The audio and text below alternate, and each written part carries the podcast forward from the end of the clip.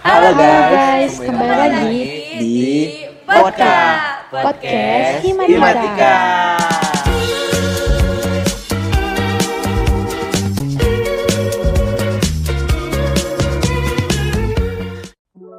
Wih, Soka.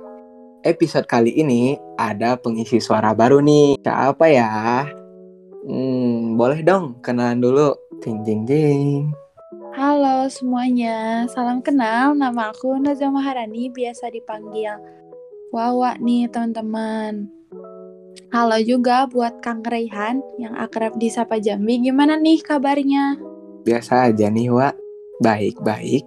Wah, beneran nih kabarnya baik. Tapi kalau mas gitu sih, bukannya UTS udah beres ya? Kenapa nih Kang Jambi? Boleh dong cerita? Iya nih, Wak. Kepikiran sama rumor resesi 2023. Aku belum nyiapin apa-apa. Mau bikin bisnis, tapi bingung gak tahu gimana caranya dan gak tahu apa aja yang harus disiapin. Apalagi manajemen keuangannya yang bikin pusing. Kira-kira kamu punya solusi nggak, Wak? Oh, masalah itu. Punya dong, di episode kali ini kita bakal ditemenin sama mas-mas keren dan pastinya bisa ngebantuin kamu buat nyelesain permasalahan yang tadi kamu bilang juga. Gimana tuh, Wak? Kali ini kita bakal bahas seputar bisnis dan manajemen keuangan. Dan yang lebih spesialnya lagi, ini tuh episode pertama kita bareng narasumber dari luar hiu loh. Wih, jadi penasaran dan gak sabar buat ngobrol langsung sama narasumber kali ini. Oke, tanpa berlama-lama langsung kita sambut aja kali ya. Halo. Halo Kak, Selamat bergabung di podcast. Gimana nih Kang kabarnya? Eh, eh, aku panggil Kang aja ya sebelumnya. boleh kalau mau dipanggil Kang, biar ada vibes-vibes Bandung gitu ya kali. Boleh nih, akan perkenalan dulu biar soka-soka yang lagi ngedengerin juga tahu nih sama akang narasumber kali ini. Oh iya, baik. Eh, mungkin biar makin kenal dan akrab juga kali ya. Saya Fadli Rian Caksana, bisa mungkin eh, teman-teman Soka panggil Fadli gitu ya. Atau Kak Fadli atau mau Kang Fadli juga boleh gitu ya. Biar makin akrab. Saya asalnya dari Gunung Kidul, dari Jogja ya. Dan juga masih berkuliah di Universitas Negeri Yogyakarta. Di kampus juga kebetulan masih ada amanah juga di organisasi ya di tahun akhir, insya Allah di BMF IPA UNY, di Biro Bisnis Kemitraan dan juga masih insya Allah di luar kampus nyari-nyari pekerjaan juga gitu ya penghasilan dikit-dikit ya sebagai agent gold gitu ya di Ewa Gold itu aja sih mungkin mbak mungkin perkenalannya ya Wah, oke. Salam kenang Kang Fadli. Banyak banget nih ya Kang Fadli kesibukannya. Jadi, kita langsung mulai aja kali ya, Kang. Aku punya pertanyaan nih, Kang Fadli. Katanya temen aku yang satu ini bingung mau bikin bisnis, cuman gak tahu cara mulainya dan gak tahu apa-apa aja yang harus disiapin. Nah, kira-kira dari Akang ada nggak nih langkah-langkah awal apa saja untuk eh, membuat sebuah bisnis? oke eh, oke gini Eh, langkah awal ya jadi untuk bangun bisnis berarti nah kalau dari saya gini mbak Eh, kira-kira kita mau bangun bisnis itu untuk apa dulu? Apakah untuk sekedar hobi atau ingin coba-coba dulu gitu ya? Atau memang ada target untuk ke arah profesional gitu suatu saat nanti. Misalnya eh, setelah lulus gitu kan ingin punya usaha gitu. Entah itu usaha utama atau sampingan gitu ya. Nah kalau baru mulai usaha gitu ya baru mau mulai yang harus disiapkan itu adalah yang pertama investasi leher ke atas. Maksudnya ilmu gitu ya ilmunya dulu karena bisnis itu nggak cuman sekedar jualan jualan doang itu namanya dagang gitu ya dan pedagang itu belum tentu berbisnis Nah, makanya dalam bisnis itu ada yang namanya marketing, sales gitu kan. Terus perlu juga paham tentang target marketnya siapa, bangun kerjasama, bahkan risikonya kayak gitu. Nah, bisnis itu nggak cuman eh, dilakukan oleh satu orang aja sebenarnya, dia butuh tim. Tapi untuk memulainya itu nggak harus langsung bangun tim gitu. Nah ini penting nih. Kalau eh, kita mau bangun bisnis, kita nggak boleh modal kira-kira gitu mbak. Nah misalnya gini, aku mau bangun kedai misalnya, usaha kedai, kira-kira butuh modal 5 juta. Begitu. Tapi kita butuh perencanaan, perencanaan bisnis dan juga keuangan. Hitung-hitungannya, termasuk risikonya. Butuh rencana agar bisnis kita nanti lancar gitu ya, berhasil. Butuh rencana juga kalau bisnisnya gagal. Nah, itu. Jadi mulailah dari membuat rencana gitu ya. bisnis dan risikonya. Cari peluang, tentuin target pasarnya siapa, siapin juga plan B-nya gimana. Kalau bisnismu gagal terus kamu mau gimana? Itu mungkin Mbak langkah awal yang harus kita lakukan ya. Oke, Kang. Hmm, tapi dari aku sendiri masih ngerasa bingung ya tuh, Kang. Eh, kira-kira skill apa aja yang harus dilatih yang nantinya dengan bisnis gitu, Kang? Oke, skill ya. Jadi eh, bangun bisnis itu sebenarnya banyak ya skill yang bisa dipakai gitu ya. Kayak misalkan gini, critical thinking gitu ya. Jadi eh, mungkin waktu awal masuk kampus udah pernah diajarin ya soal critical thinking gitu ya, soal berpikir kritis termasuk juga berpikir kreatif gitu kan. Karena bisnis itu problem solving, bukan sekedar jual produk aja. Nah, bayangin gini. bayangin kalau uh, kita mau berobat gitu ya ke dokter. Baru masuk ruangan, belum dicek gitu kan. Belum dites sakitnya apa. Ya kan? Nah, itu udah ditawarin obat. Ini aku uh, dokternya punya obat paracetamol mau beli apa enggak? Kira-kira gimana?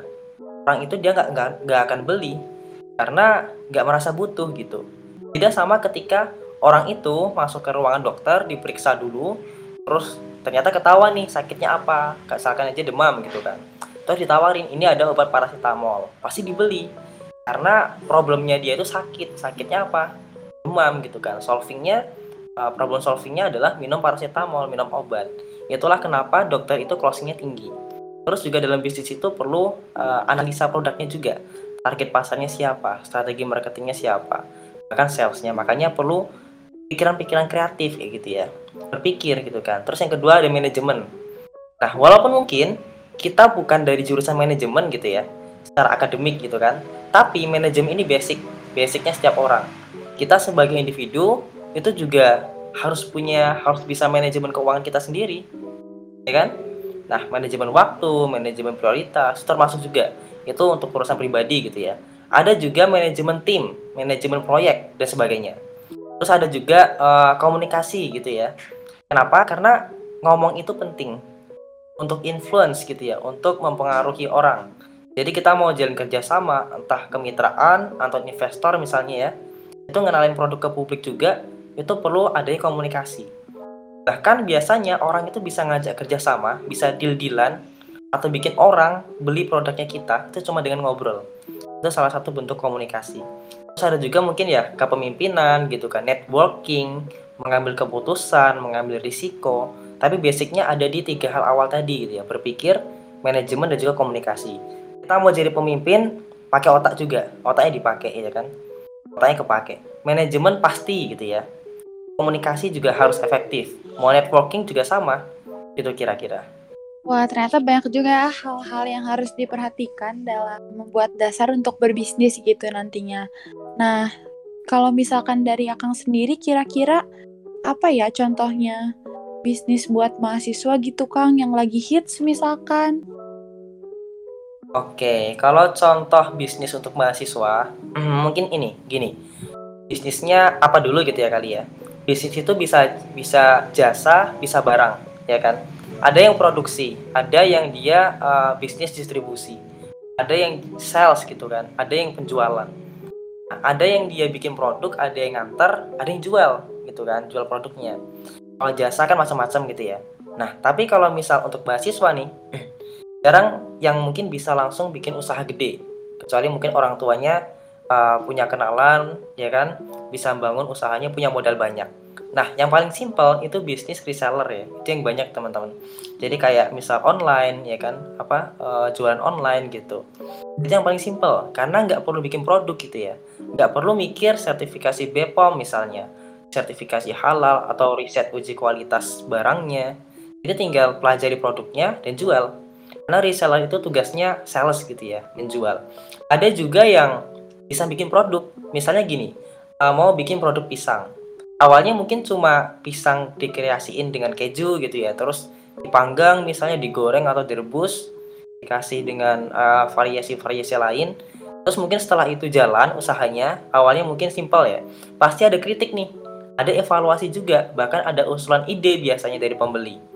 Nah dari situ dari hal yang sederhana tadi itu bisa jadi suatu hal yang unik. Produk pisang unik misalnya bisa beda bentuk lagi nih Nah, terus dikasih kemasan, berlempar brand uh, label brand sendiri gitu kan. Jadilah sebuah produk. Nah, itu sebuah perjalanan dari produk dari nol misal seperti itu. Atau ada juga biasanya yang bikin usaha jasa jasa penerbitan buku misalnya atau jasa konsultasi, jasa les privat. Nah, jangan salah uh, les privat itu nggak harus kita sendiri yang ngeles. Bisa jadi kita penyedia jasa antara siswa-siswi yang butuh tentor les privat misalnya sama tentornya misalnya uh, per jamnya itu kita kasih harga 50.000 jadi 10 ribunya buat kita sebagai penyedia jasa 40 ribunya buat tentornya. Misal kayak gitu itu salah satu ide bisnis juga. Atau mungkin secara individu ya dia punya skill misalnya. Copywriting atau desain grafis mungkin yang banyak ya. Atau video grafis misalnya itu juga bisa dibisniskan. Kemampuan dari diri kita sendiri itu juga bisa jadi bisnis. Bahkan sosial medianya kita bisa jadi bisnis juga. Misalnya endorse gitu ya Mungkin itu Mbak, contoh-contoh dari bisnis yang bisa dikembangkan mahasiswa gitu ya. Oke Kang, nah kalau misalkan tadi nih aku mengambil contoh bisnis uh, penyedia jasa les privat nih, kan kita sebagai eh atau reseller deh, kan kita sebagai mahasiswa kayaknya sayang banget ya kalau misalkan uh, nanti baru awal-awal udah gagal gitu. Nah kira-kira gimana sih Kang caranya uh, agar kita bisa mempersiapkan bisnis tersebut menjadi lebih lancar dan step-step awal yang harus dilakukan pada saat bisnis dijalankan gitu Kang. Oke, okay, uh, eh, jadi tadi bisnis sudah jalan gitu kan, mungkin pemasukan juga udah ada. Aku mau jelasin ini. Dalam bisnis itu, itu kita harus punya backupnya. Jadi kalau sampai nauzibillahnya bisnisnya itu gagal, bangkrut gitu ya, kita masih bisa hidup.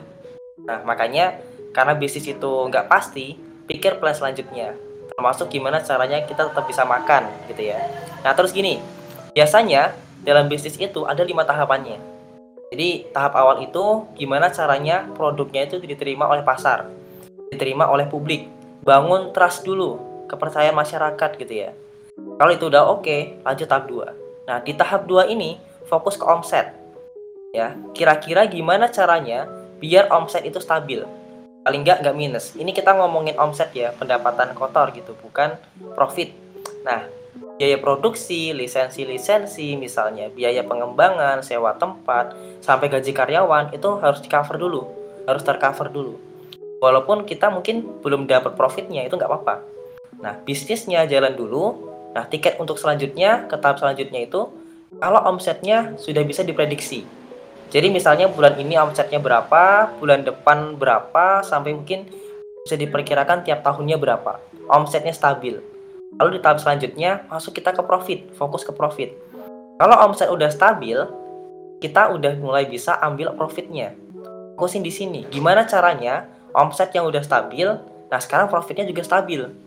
Ini bisa jadi pendapatan buat ownernya gitu ya. Gaji bisnis lah ibaratnya. Fokus pertahankan Nah, biar stabil dan bisa diperkirakan gitu. Nah, profit ini kira-kira bulan ini dapat berapa, bulan depan dapat berapa, sama. Per tahunnya berapa. Itu. Terus tahap selanjutnya ekspansi. Ekspansi. Jadi uh, berkembang gitu ya. Gimana caranya bisnis bisnis ini berkembang?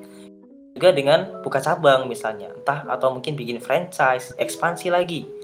Bisa pakai dana dari penghasilan bisnis tadi, bisa modal dari kita sendiri, bisa juga mungkin nyari investor gitu. Fokusnya gimana caranya bisnis kamu itu bisa buka di tempat lain. Dan itu sama, harus stabil. Usahakan itu. Uh, jangan sampai misalnya di Jogja lancar gitu ya, lancar jaya, tapi di Jakarta sistemnya nggak beres. Karena satu outlet aja itu itu uh, nyawamu gitu. Satu tercoreng bisa jadi yang lain ikut tercoreng juga. Makanya perlu ada SOP yang baik gitu. Nah, terus tahap selanjutnya itu yang terakhir nih. Setelah tadi uh, fokus ke omset profit terus bisa ekspansi gitu ya buka cabang misalnya ke outlet. Tahap selanjutnya itu tahap investing buka investasi saham. Jadi anggapannya uh, gimana caranya kita bisa lepas perusahaannya tapi kita tetap jadi pemiliknya gitu. Bisnisnya jalan ownernya bisa jalan-jalan. Nah simpelnya gitu. Itu jadi kira-kira kalau misal uh, kita buat mengembangkan bisnisnya kita gitu ya biar nggak stuck di situ-situ aja. Mungkin sekiranya seperti itu. Kalau dari aku uh, mau tahu nih kang uh, gimana sih uh, apa ya namanya memanage uang secara mendetail gitu. Eh, uang uang pemasukannya dilariin ke mana gitu. Eh, puter uangnya gimana gitu kang. Biar usahanya apa berkembang tetap berjalan gitu lebih ke pertanyaan masalah uangnya gitu kang Oke, tangkap ya pertanyaannya. Jadi kalau terkait dengan manajemen keuangan, yang pertama, keuangan itu rekeningnya perlu dipisah antara keuangan pribadi dan juga keuangan bisnisnya. Itu jangan dicampur. Karena nanti bakal uh, ribet kalau misalnya dicampur, harus data ulang. Nah, makanya coba dipisah rekening pribadi dengan rekening bisnisnya. Terus habis itu buat perencanaan, rencana keuangan. Arus kasnya, cash flow-nya gitu ya. Uang masuk berapa, uang keluar berapa, itu perlu ada catatannya semua. Perhatiin juga semua aset yang kita punya. Misal kita punya asetnya apa aja. Biasanya kalau misal bisnis yang udah gede kadang dia punya mobil sendiri. Dalam artian uh, mobil buat apa namanya distribusi barang misalnya. Itu perlu ada asetnya juga. Termasuk utang dan piutang. Itu juga perlu ada. Nah keuangan keuangan di bisnis kita misal kita sudah punya pemasukan tetap gitu ya dalam artian dari uh, profit omset sampai profit tadi yang saya jelaskan sebelumnya itu sudah aman gitu ya. Itu kita kembangkan lagi. Di dananya itu dana perusahaan itu bisa juga kita alokasikan buat nabung saham juga.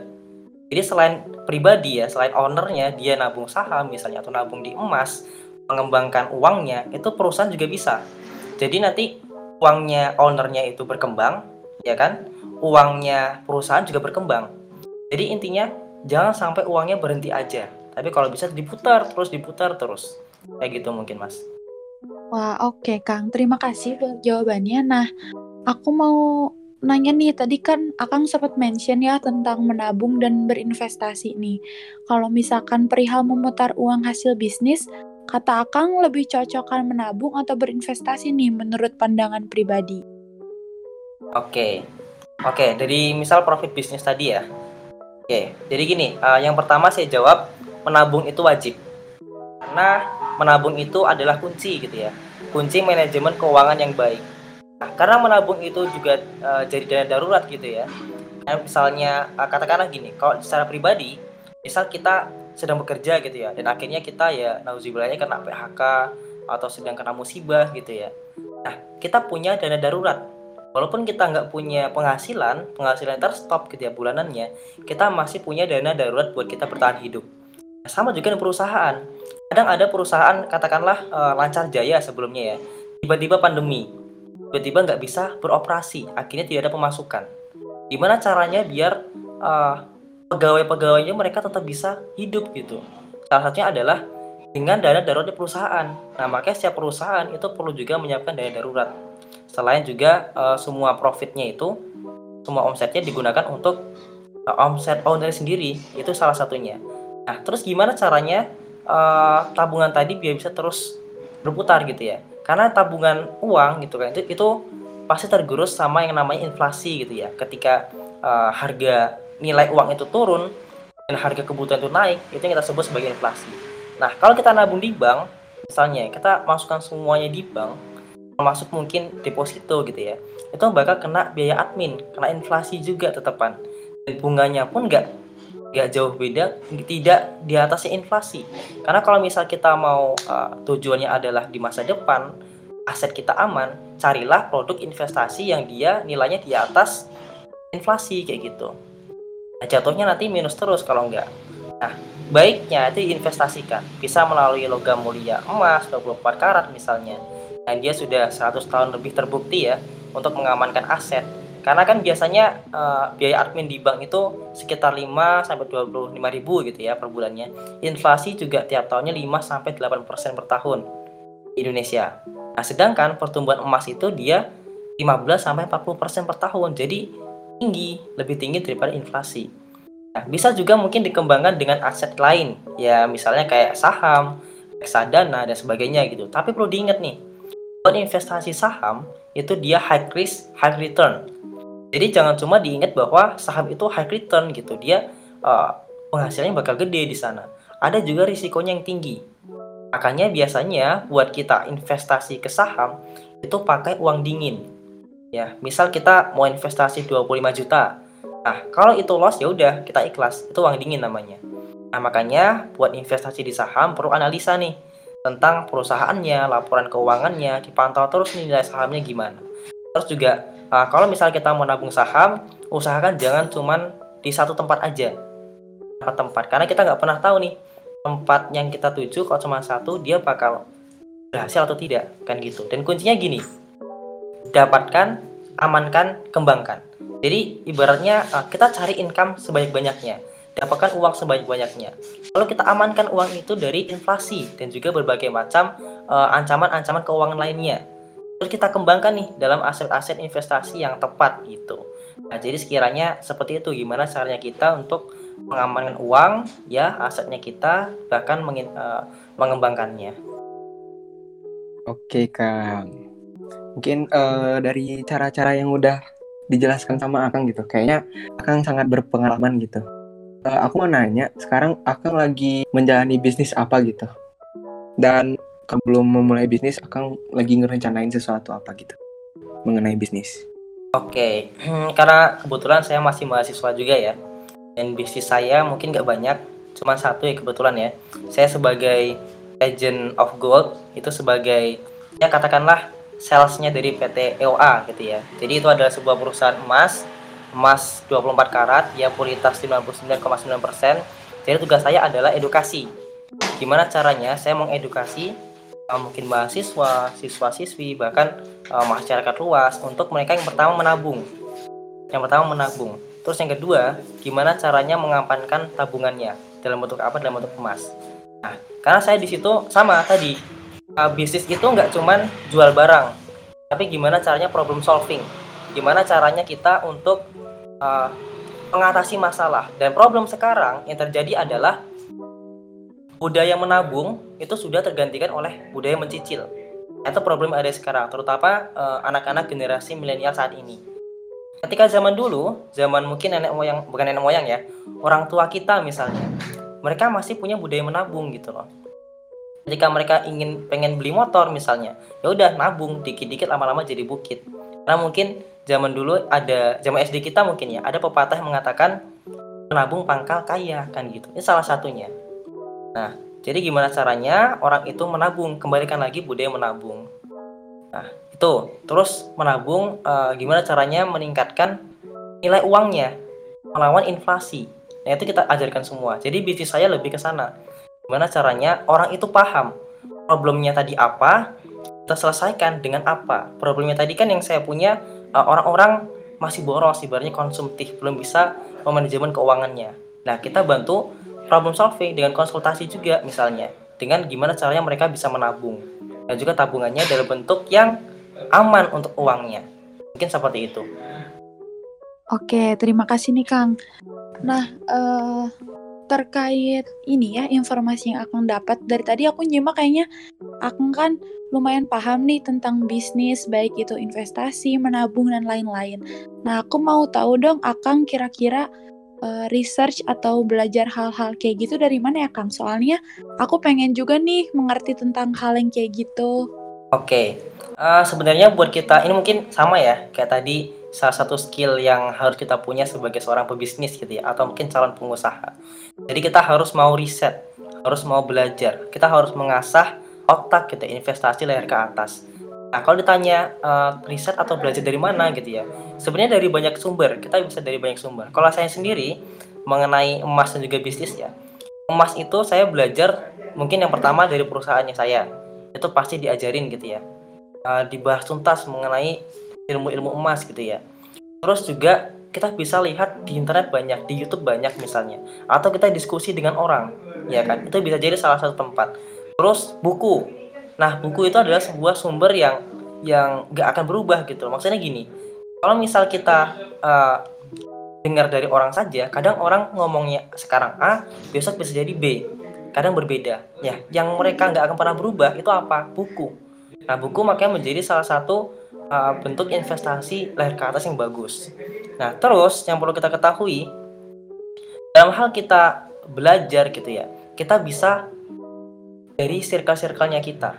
Nah, gimana caranya kita bisa dapat sama orang teman diskusi yang dia uh, bisa mengajar kita mengasah kemampuan kita agar meningkat gitu. Misalnya gini, uh, aku nih, misalnya saya saya nggak bisa nih buat jual satu produk aja.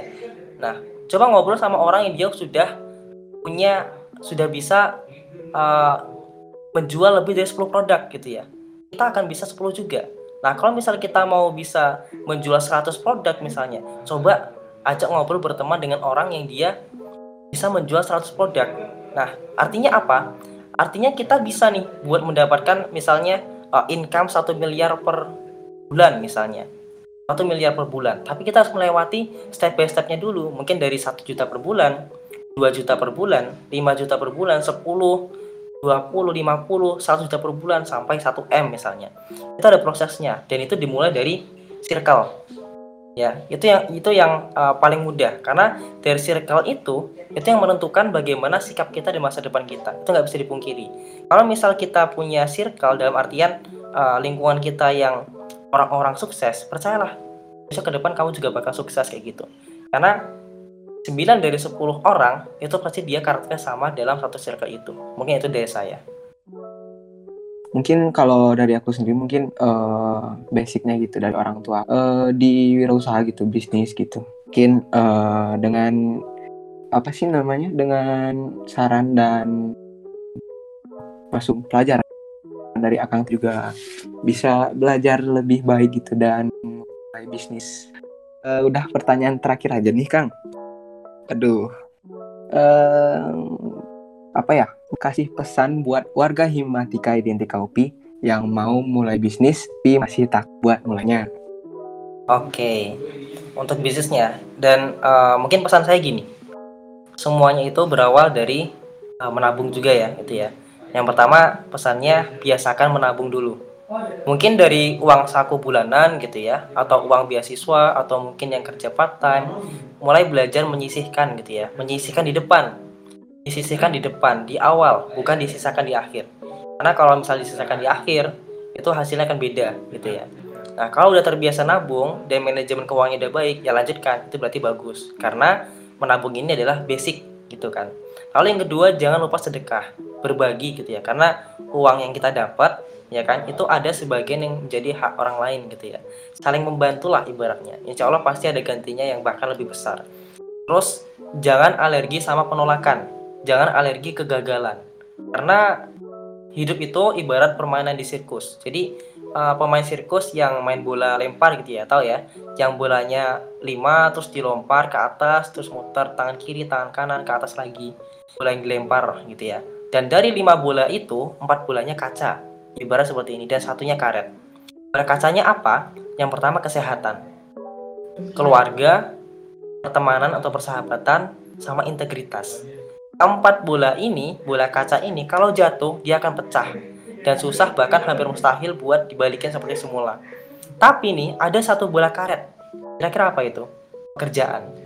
Pekerjaan bola karet ini kalau dia jatuh dia akan memantul bahkan menjulang lebih tinggi ke udara gitu ya. Jadi yang ingin saya sampaikan adalah jagalah kesehatan, jagalah keluarga, jagalah persahabatan, jagalah juga integritasmu. Jangan itu ditinggalkan uh, empat hal ini jangan ditinggalkan demi pekerjaan gitu ya. Karena pekerjaan itu bisa kita cari lagi. Empat hal tadi kalau tidak dipertahankan ya akan pecah selamanya itu Mungkin itu saja dari saya ya. Cuci tangan sampai bersih cukup sekian dan terima kasih Wah, terima kasih banyak nih Kang Fadli untuk pesan-pesannya buat warga Himatika. Sangat uh, ini ya, apa? Untuk pendengar nanti harus didengarin nih pesan dari Kang Fadli karena menurut aku pesannya sangat pentingnya bagi kita yang mau memulai bisnis gitu. Tapi nggak kerasa nih kita udah ada di akhir podcast aja. Ya iya nih, wah udah mau selesai aja. Mungkin uh, buat teman-teman yang mau belajar juga dari Kang boleh di ini dicek uh, Instagramnya dan ya mungkin di sana bisa tanya-tanya lebih lanjut gitu. Dan makasih juga buat Kang Fadli udah mau menjadi narasumber kita kali ini yang sudah mau berbagi ilmunya. Semoga informasi yang disampaikan tadi dapat bermanfaat bagi kita semua, terutama aku sendiri. Oke, Soka. Sampai jumpa lagi nih di episode berikutnya. Bye-bye.